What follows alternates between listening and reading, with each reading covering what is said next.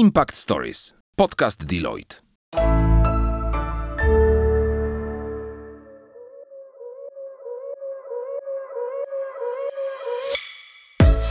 Cześć! Impact Stories powstało z myślą o studentach, którzy szukają inspiracji, chcą się rozwijać i poznawać świat biznesu od kuchni. Znasz zasadę nic o nas bez nas? My też! Dlatego Impact Stories prowadzą studentki i studenci różnych uczelni z całej Polski. To aktywne działaczki i działacze organizacji studenckich, którzy na chwilę chcą się znaleźć po drugiej stronie lustra. Dzięki Impact Stories spotkają się z ekspertkami i ekspertami Deloitte z różnych dziedzin, którzy podzielą się z nimi swoim doświadczeniem i odpowiedzą na najtrudniejsze pytania.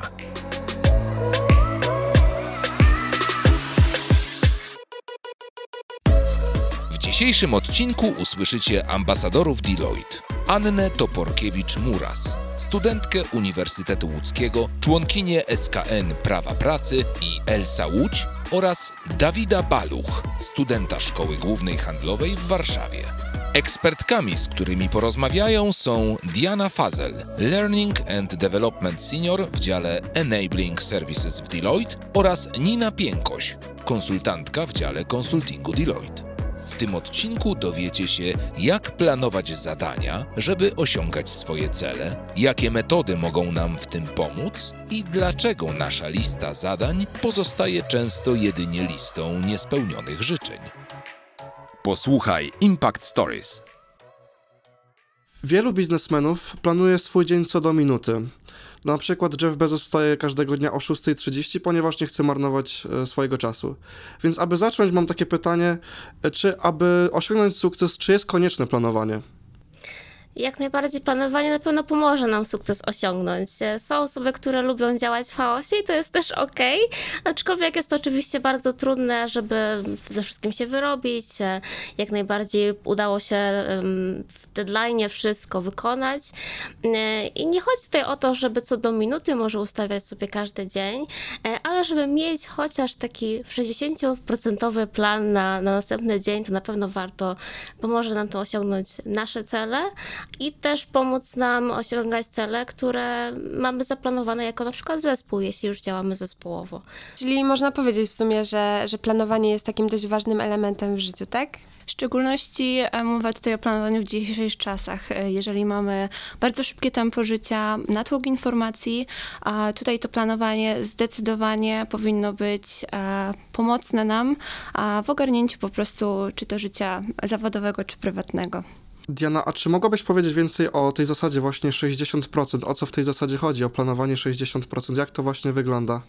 Jasne. Generalnie rekomendacja jest taka, żeby planować sobie 60% czasu, a nie 100%.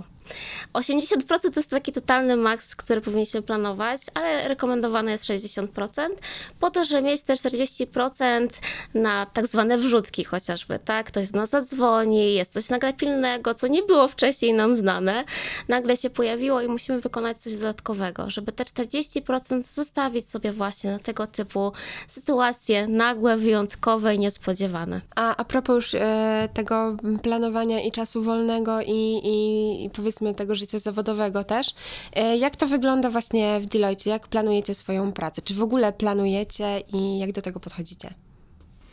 To tutaj, jeżeli chodzi o w Deloitte, mamy tak zwany Deloitte Flex.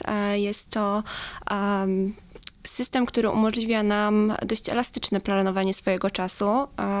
Jako też konsultanci, jako e, praca na projektach e, w Deloitte, możemy mieć możliwość e, przychodzenia trochę wcześniej, wychodzenia też wcześniej z pracy, pracowania czy to z biura, czy to z domu.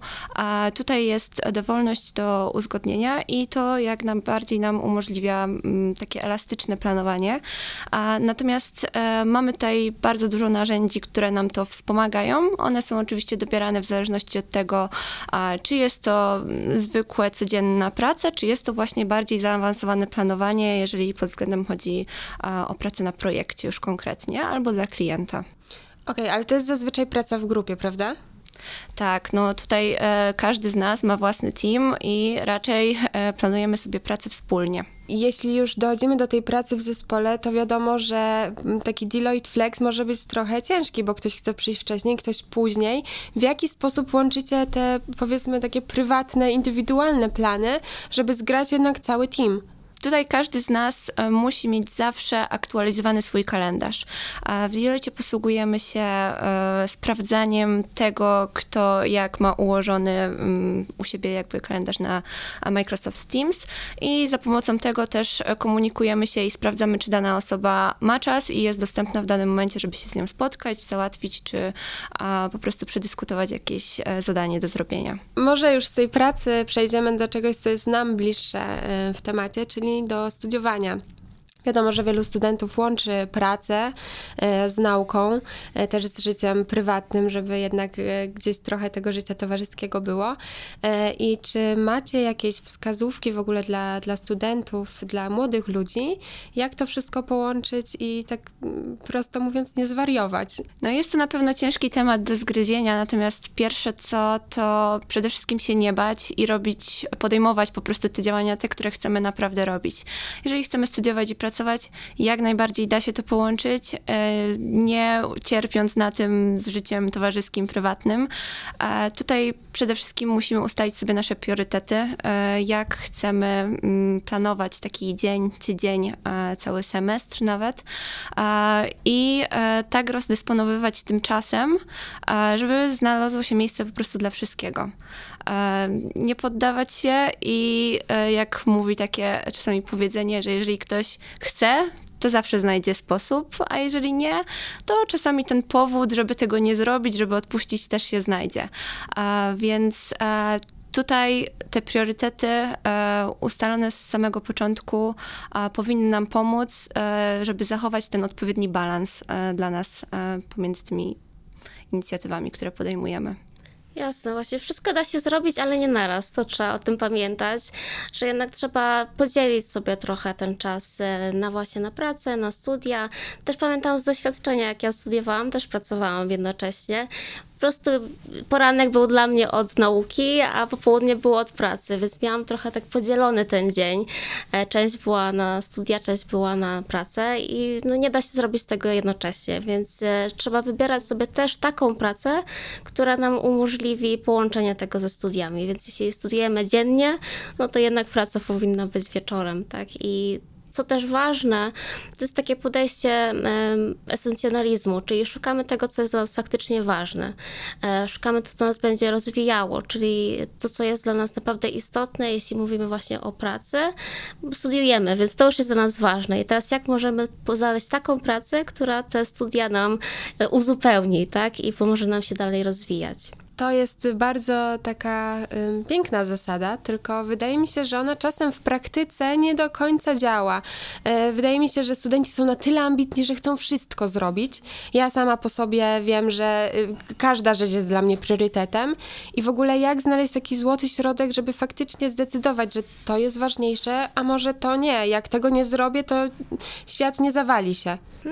I właśnie tutaj tu znalazłaś klucz już e, tak naprawdę, bo zadanie sobie tego pytania, co się stanie, jeśli tego nie zrobię, e, jeśli się okaże, że w sumie to nic, to to jest właśnie ten klucz. Jeśli nic wielkiego się nie stanie, jeśli dramatu nie będzie, jeśli nie wykonamy jakiegoś zadania teraz, to znaczy, że to nie jest nasz najważniejszy priorytet, że możemy to odłożyć w czasie, zrobić to może kiedy indziej, albo na przykład przekazać komuś innemu być może nawet, e, w zależności od tego, o czym konkretnie tutaj mówimy. No i też druga rzecz, zadanie sobie pytania, co ja z tego mam? Jeśli to wykonam, długofalowo, jakie będę miała, jakie będę miał tego efekty.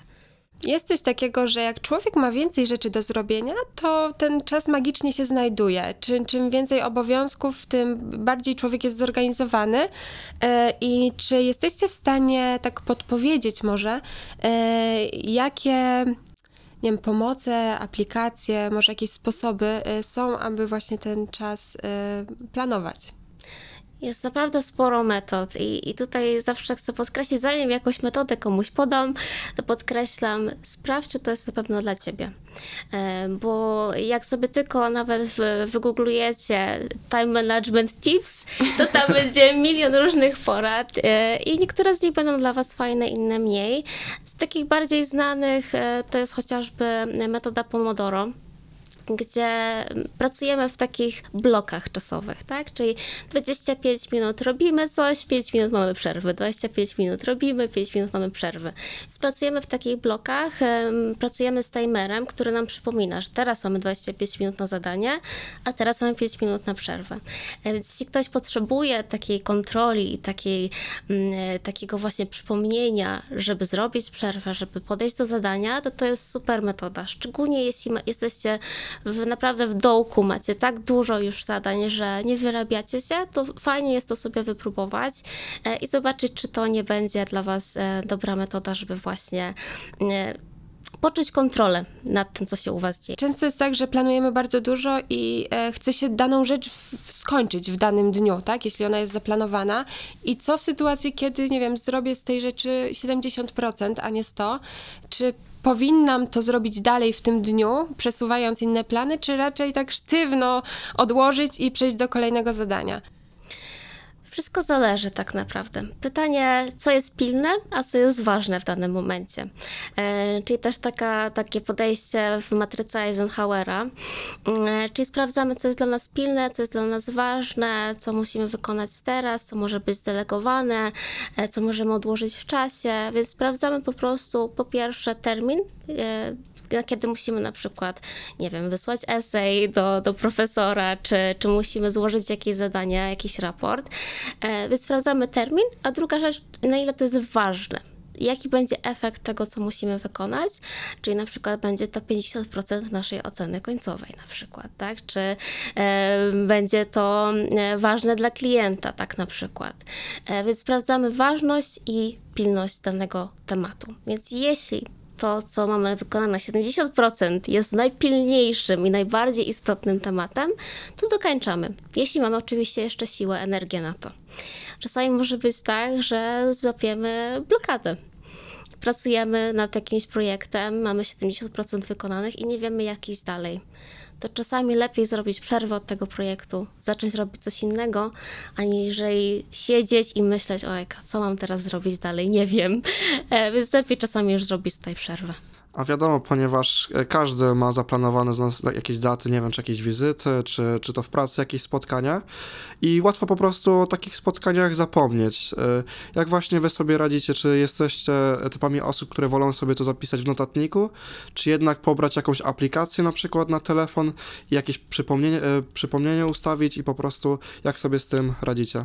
Jeżeli chodzi właśnie o spotkania, to u mnie przede wszystkim niezawodnym jest e, telefon i kalendarz w telefonie, który zawsze powinien być e, tak samo aktualizowany jak ten, który jest w pracy. Także działam na dwóch kalendarzach, e, zawodowym i prywatnym i nie wyobrażam sobie nie notować po prostu tych spotkań i wizyt, bo wiem, że to po prostu y, nie wiadomo, kiedy mi się przyda ta informacja. E, Jeżeli ktoś się będzie chciał kolejny raz ze mną gdzieś umówić, gdzieś będę musiała wyjść, zawsze wtedy mam pod ręką i mogę sprawdzić, czy jestem po prostu w tym terminie dostępna.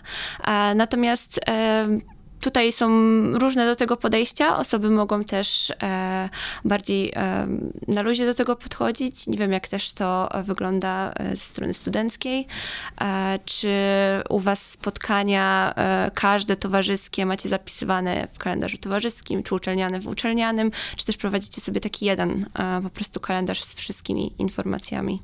U mnie na przykład było tak, że kiedyś e, się przyznam, że w ogóle nie planowałem, że wszystko jednak zapominałem, bo, ponieważ nie miałem takiego natłoku, ale od momentu, kiedy zacząłem studiować i tutaj różne zajęcia, tutaj różne wyjścia, czy jakieś spotkania z SKN-ów, to właśnie już to potem ciężej to, to wszystko opanować. Dlatego ja na przykład personalnie e, sobie wszystko zapisuję e, w kalendarzu na telefonie, bo to mi przypomina, właśnie nigdy nie zapominam. Nie wiem, Ania, jak to u ciebie wygląda, czy też masz tak jak ja? Ja przyznam się bez bicia, że y, nie zapisuję praktycznie nic w kalendarzu. Y, Zazwyczaj wszystko gdzieś tam w głowie mam i to jest też taka forma ćwiczenia mojej pamięci. Natomiast y, robię sobie codzienne plany na kolejny dzień, czyli taka zwykła lista w notatniku, gdzie można to wszystko potem odhaczyć, tak żeby po prostu wieczorem jeszcze ułożyć sobie w głowie przed spaniem, co następnego dnia będzie się działo, co muszę zrobić, jak się ewentualnie do tego mm, przygotować. Y, I u mnie akurat taki system działa, natomiast e, wiem i, i też mam świadomość, że e, niektórzy muszą mieć faktycznie gdzieś tam wcześniej ułożone, że o, za miesiąc albo za tydzień dzieje się to, muszę przygotować sobie to i tamto. Ja chyba nie umiem tak działać. Mam wrażenie, że są ogólnie dwa typy ludzi. Albo tacy, którzy od początku, jak już wiedzą, że jest e, jakiś e, finalny termin, robią każdego dnia po kolei coś, albo właśnie ci, którzy działają tak na, na ostatnią chwilę, ale gdzieś w tym chaosie i natłoku odnajdują się. I nie wiem, czy wy też widzicie taką zależność, że właśnie są takie dwa typy osobowości. E, natomiast ja zdecydowanie jestem tym, tym drugim, który robi, e, pracuje na, deadline, na, na deadline'ach. To Aniu, może jeszcze podpytam, e, czy jest tak, że działasz bardziej na checkliście, aniżeli na kalendarzu? Dobrze zrozumiałam? tak, dokładnie. Działam na checkliście. Mhm. I to zwróciłam uwagę, bo powiedziałaś coś bardzo fajnego, że robisz to dzień wcześniej, zanim pójdziesz spać. Skąd takie podejście? E, Zazwyczaj wstaję wcześniej rano, więc nie ma czasu już wtedy na myślenie, co będzie się działo, co trzeba zrobić. I mm, przyznam, że to jest taka naleciałość chyba z dzieciństwa, że plecak zawsze się pakowało dzień wcześniej do szkoły. O, tak. E, I, I po prostu tak mi zostało, że gdzieś tam ten plan musi być ułożony wcześniej na kolejny dzień. E, Często też wtedy rozpisuję sobie ewentualnie, ile mniej więcej potrzebuję czasu na zrobienie danej rzeczy. Wiadomo, że nigdy to nie jest zaplanowane co do minuty, nie da się, tak? E, Ja też nie umiem pracować w ten sposób, bo właśnie jestem tym typem, gdzie jak mi zostanie jeszcze te 20%, no to dobra, to przesuniemy e, tą granicę i zrobię coś do końca. Mm, Także może to też wynika właśnie z, z tego, że jestem muzykiem e, jako pierwszy zawód, gdzie po prostu jeśli się robi utwór, to no, najczęściej robi się go w całości, bo nie ma czasu, żeby podzielić sobie pracę. Jasne, to oczywiście też zależy od tego właśnie, co tobie pasuje, nie? Ale mm, właśnie zwróciłam uwagę na to, co powiedziałaś, że planujesz sobie dzień wcześniej. To jest bardzo ważna porada dla wszystkich. E, lepiej będziesz też spała, lepiej będziesz spał, jeśli sobie zaplanujesz dzień e, do przodu. E, niestety, jeśli wstaniemy i rano sobie zaczniemy spisywać nasze zadania na dany dzień, to już jest za późno. E, Nasza głowa już jest przepełniona wszystkim, co mamy do zrobienia. Jeszcze widzimy, o jakieś maile nowe wpadły. I niestety wtedy, ciężko jest no, po prostu e, rozplanować ten dzień. Jest za późno. Nawet jeszcze lepiej jest zrobić to e, pod koniec dnia pracy, czy pod koniec dnia, studiów, więc jeśli kończymy nasze wszystkie zadania, powiedzmy o 18, e, to wtedy sobie jest dobrze spisać wszystko na kolejny dzień, wtedy też wieczór mamy spokojniejszy i ta głowa nam tam nie myśli cały czas, tak? Możemy się skupić na odpoczynku. A czy wy osobiście uważacie, że checklist jest takim lepszym sposobem na zrobienie rzeczy? Czy po prostu takie zwykłe przypominanie w kalendarzu, że o ty, a o tej godzinie e, to muszę zrobić? Mm, Osobiście ja troszeczkę łączę te dwie rzeczy. Mm, Checklista bardziej się odnosi do takich bieżących spraw, które po prostu trzeba odhaczyć, zrobić, tak? A kalendarz stosuje bardziej takiego długoterminowego planowania i właśnie tych spotkań, e, konkretnych terminów wizyt. Natomiast taka checklista e, jest bardzo fajna właśnie w użyciu, tutaj tak jak e, wspomniała też Ania. E, Jeżeli mamy na dany dzień coś do zrobienia, e, możemy sobie bardzo szybko posortować te rzeczy, które w jakiej kolejności idą i je po prostu na bieżąco realizować. Mm, Zdecydowanie zapisanie w ogóle takiej checklisty zwiększa szanse nasze, że po prostu dowiedziemy te rzeczy, tak? Osiągniemy te cele, które sobie zaplanowaliśmy. Także warto zapisywać, e, czy to w telefonie, czy to na kartce, e, sobie mm, takie zadania. Ja nie wiem, czy wy też macie tak, ale odhaczenie takiej, e, takiego zadania z listy jest niezwykle satysfakcjonujące i tak motywuje nawet do, do, kolej, do kolejnych po prostu zadań. Tak, tutaj ja mam czasami nawet tak, że jeżeli mm, któregoś zadania z checklisty no, nie mogę, po prostu jest bardzo długo trwa, zabiera mi dużo czasu i nie mogę go odhaczyć i długo mam taki przestój, e, po prostu gdzie nic się nie dzieje na tej checkliście, to w ramach odpoczynku e, szybko przeskakuję sobie do jakiegoś łatwiejszego zadania e, i po prostu to e, napędza tak, że o, już jestem krok do przodu, e, już mogę iść dalej i to wspomaga jakby jeszcze bardziej e, to, że mogę mm, szybciej te poprzednie zadania e, kończyć. Tak właśnie nawiązując do, do właśnie takich zadań, które gdzieś tam siedzą na tej checkliście, to, to czasami trzeba się zastanowić, czy to jest faktycznie zadanie, czy to może nie jest projekt, który ma w sobie kilka zadań. I wtedy możemy sobie to rozpisać na kilka takich właśnie zadań i odhaczać te takie małe, takie drobne rzeczy. Nie wiem, wysłałam jednego maila, okej, okay, super, ekstra, już jest coś zrobione. I wtedy też um, mamy ten skok endorfin, że coś się udało, coś nam się udało osiągnąć, także podzielmy sobie. Jeśli coś jest większego, podzielmy to na mniejsze części. To jest właśnie dokładnie to, co miałam na myśli w momencie, kiedy Nina mówiła o, o, o tych zadaniach. E, ja też często tak robię i wtedy, jak już będzie można odhaczyć ten, to, to duże zadanie, to, jest, to, to też jest naprawdę bardzo takie no, motywujące, nie? Że, że jednak coś się zrobiło i nie jest się nieproduktywnym. Tutaj jeszcze z doświadczenia mm, jest taka metoda właśnie dwóch minut. Czasami ją stosuję w pracy, to wiadomo, też zależy od jak, jakie to jest konkretnie zadanie, ale jeżeli na pierwszy rzut oka widzimy, że dane zadanie mm, można wykonać właśnie w przeciągu dwóch minut, czy to jest wysłanie maila, linku, czy tylko szybko napisanie wiadomości do kogoś, a warto je robić po prostu od razu, e, żeby nie zostawiać sobie tego na później, jeżeli wiemy, że to jest po prostu w naszych możliwościach do wykonania na już teraz.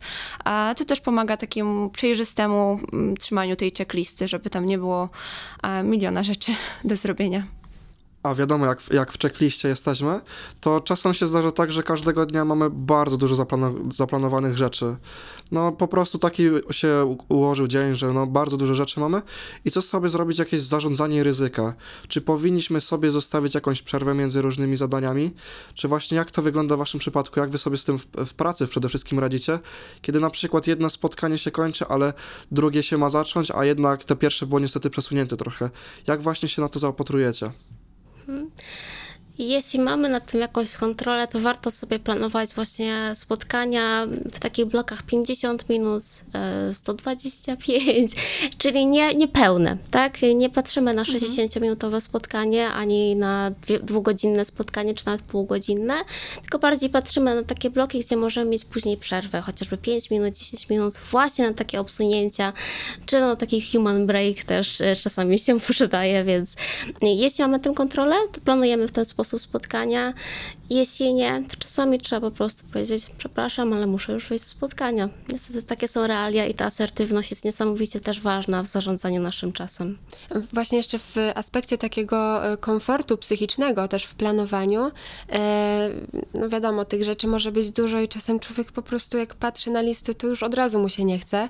E, czy macie jakieś sposoby, żeby ewentualnie spróbować się właśnie zmotywować do zrobienia chociaż tego pierwszego zadania, potem drugiego i jakoś tak, żeby to dotarło do końca, do mety. Jest tutaj kilka podejść. Jedno jest takie bardzo ciekawe. Brian Tracy poleca taką metodę zjedz tę żabę, czyli zacznij od tego, co jest dla ciebie albo najważniejsze, albo najtrudniejsze. Czyli zjedz tę wielką, okropną, obrzydliwą żabę z rana i dzięki temu będziesz miał to po prostu z głowy. E, więc to jest takie podejście, że robimy coś, co jest dla nas trudne, a po prostu bardzo ważne i mamy to z głowy i później możemy skupić na czymś, co będzie dla nas łatwiejsze e, albo mniej ważne. Ale już mamy ten pierwszy sukces z rana, z głowy i możemy być szczęśliwi. Jeżeli tutaj chodzi o moje doświadczenie, to mnie najbardziej w takiej checkliście, żeby dowozić, motywują niestety te deadline. Jeżeli deadline to jest coś świętego, więc e, jeżeli tylko się da, nie ma zasady, że przesuwamy i odpuszczamy, próbujemy po prostu w danej dacie to dowieść i zrobić i to też troszeczkę się obserwuje, nie wiem czy u was w środowisku studenckim, że jeżeli mamy do oddania prezentację, projekt, no to pracujemy centralnie przed, ale mimo wszystko to najbardziej nas motywuje, żeby to oddać i faktycznie to dowozimy.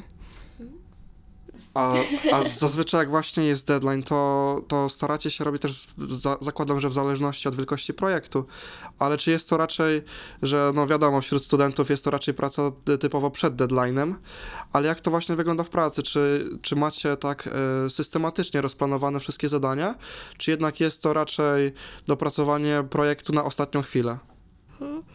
Osobiście ja sobie planuję dosyć dokładnie wszystko, ale to ja zawsze powtarzam, że zależy od ciebie. Wszystko zależy od ciebie. Dostosuj to do siebie. Wiem, że są osoby, które prokrastynują genialnie. E, na przykład moja siostra tak ma. Ona robi wszystko na ostatnią chwilę i nigdy jej się nie zdarzyło nie dowieść czegoś na czas. Nigdy. E, więc dla niektórych to naprawdę fajnie działa, natomiast jest to bardzo stresujące też, weźcie to pod uwagę, e, że niestety nawet jeśli potraficie prokrastynować dobrze,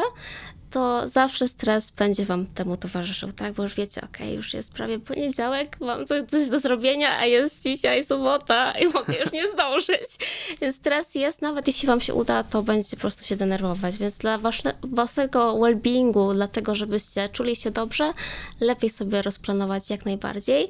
Nie co do minuty, nie nawet co do pięć, pięciu minut, mm, ale jakieś takie bloki czasowe sobie warto ustawić um, i rozplanować ten czas. Ja się tutaj zgadzam zgadzam jak najbardziej e, z Janą, że ta prokrastynacja może takie negatywne skutki troszeczkę też u nas wywoływać, ale nie zapominajmy, że taki właśnie stres jest też motywujący mimo wszystko. Tak, jeżeli trzymamy to jeszcze w kontroli, takiej powiedzmy pod nasze możliwości, a to ta prokrastynacja, tak jak u twojej siostry, faktycznie może się udać i może nas to napędzać dodatkowo, e, że udaje nam się w takim krótkim czasie tak coś dowieść.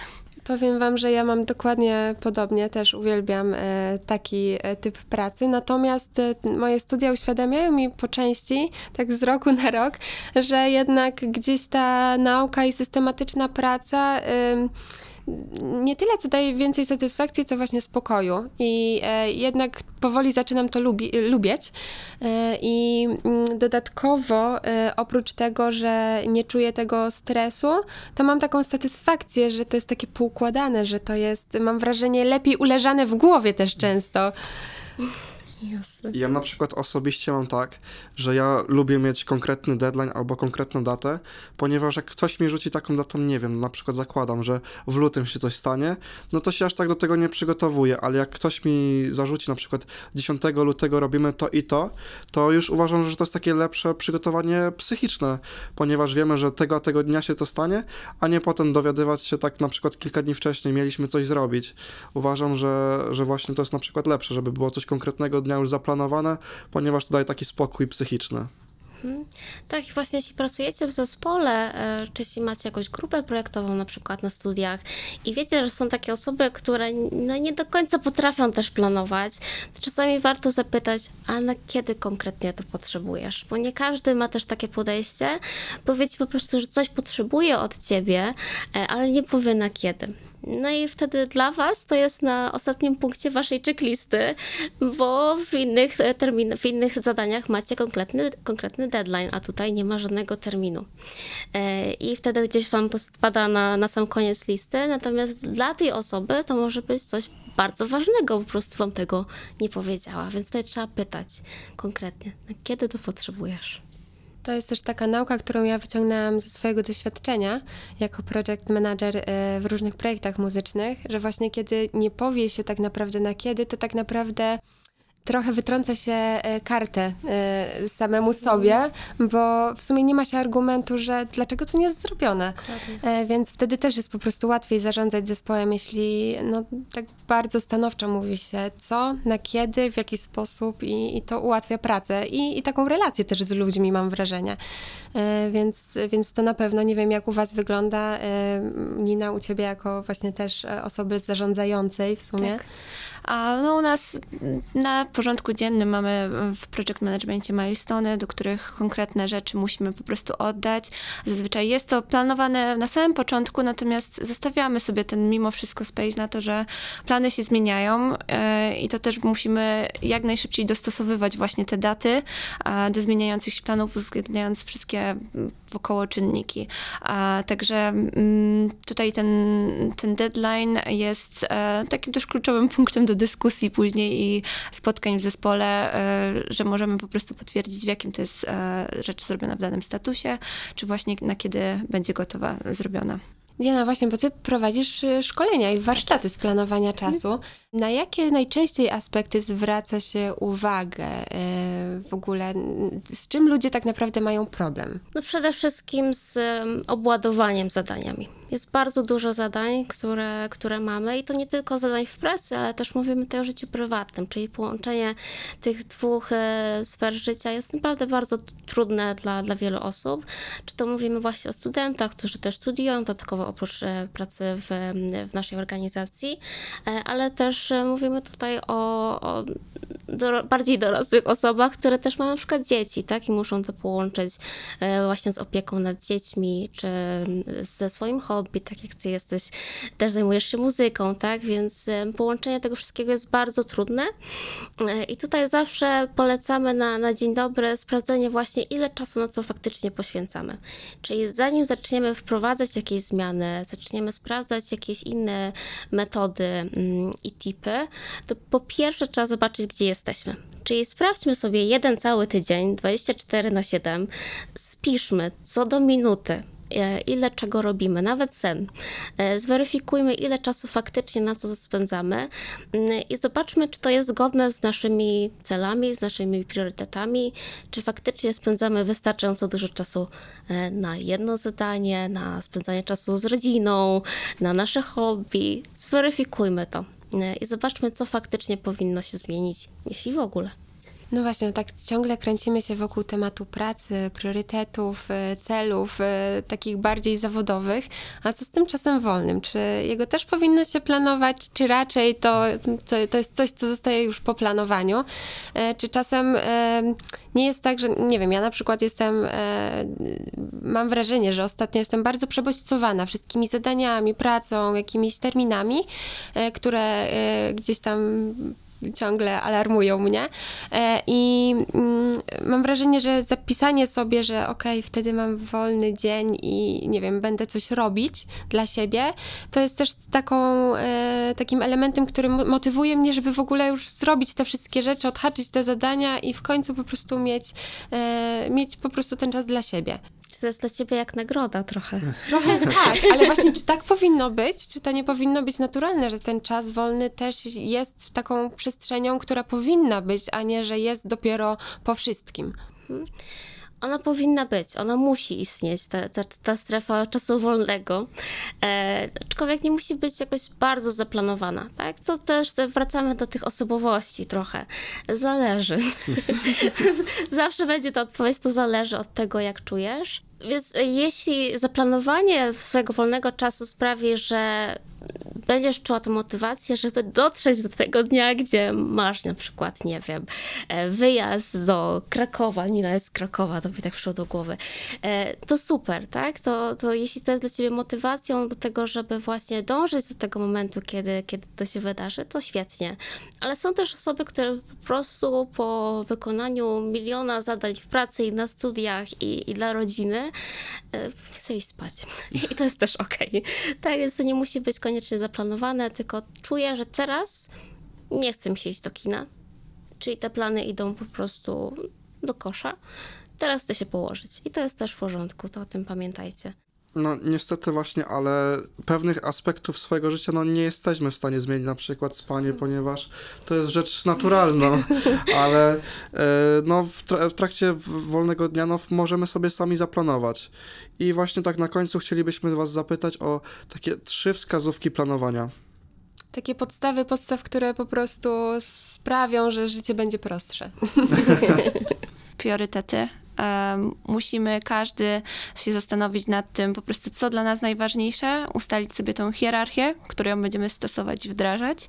A jeżeli chodzi o mm, checklisty i kalendarze, to tutaj dopasujmy pod siebie po prostu to, co działa. Może czasami nawet metodą prób i błędów, a nie skupiajmy się aż tak bardzo, żeby wdrożyć konkretną metodę i techniki, a bądźmy elastyczni. No i trzecie, przede wszystkim pamiętajmy, że całe planowanie ma być dla nas, a nie my dla planowania. I planowanie ma nam pomóc w osiąganiu celów, więc to ma być też taki impuls do działania i wykonywania. Planowanie samo w sobie jak najbardziej, natomiast e, ono ma też efekty przynosić w postaci właśnie realizacji tego, co sobie zaplanujemy, i to też musimy do tego dążyć cały czas.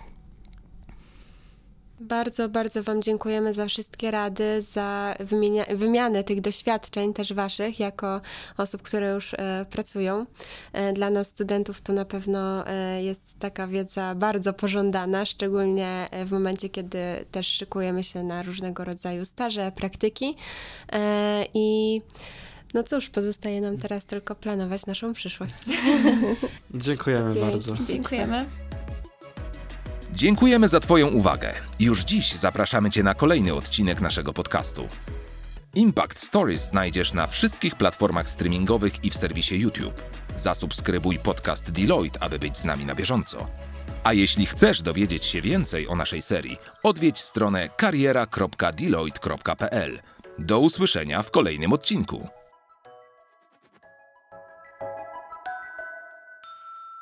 Impact Stories. Podcast Deloitte.